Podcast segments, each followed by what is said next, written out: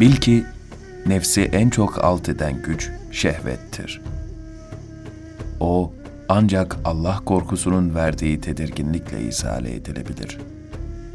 Nefsin isteklerini yerine getirmek Allah'ın sana verdiği nimetleri unutturur. Allah gözünü haramdan uzak tutan kimsenin diline kendisini hidayete erdirecek bir hikmet verir.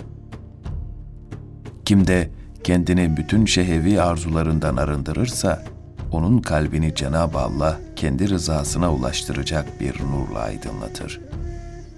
Kalbinde dünya muhabbetinden herhangi bir şey bulunduran kimse, muhakkak kalbini tamah kılıcıyla öldürmüş olur. İyi insanlarla sohbet etmek, kalbe iyiliğin yerleşmesine, kötü insanlarla sohbet etmek de kalbe kötülüğün yerleşmesine vesile olur. Sabır, ricali ilahinin, rıza ise kerem ehlinin ahlakındandır. Hav, Allah'ın kamçısıdır. Onunla edepsizliği adet edilen nefisler hizaya getirilir.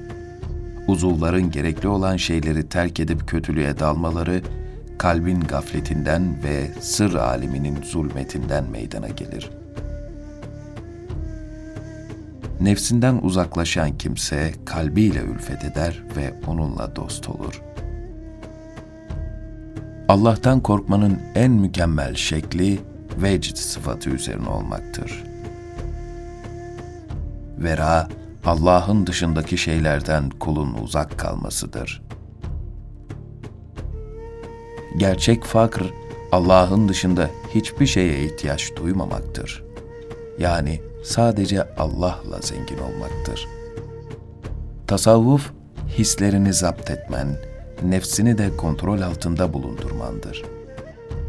Evliyanın velayetini inkar, sadrının darlığı sebebiyle ilahi feyzden mahrum olan ve ilahi kudretin varid olduğu yerleri bilmeyen cahil kişilerin kalbinde görülür.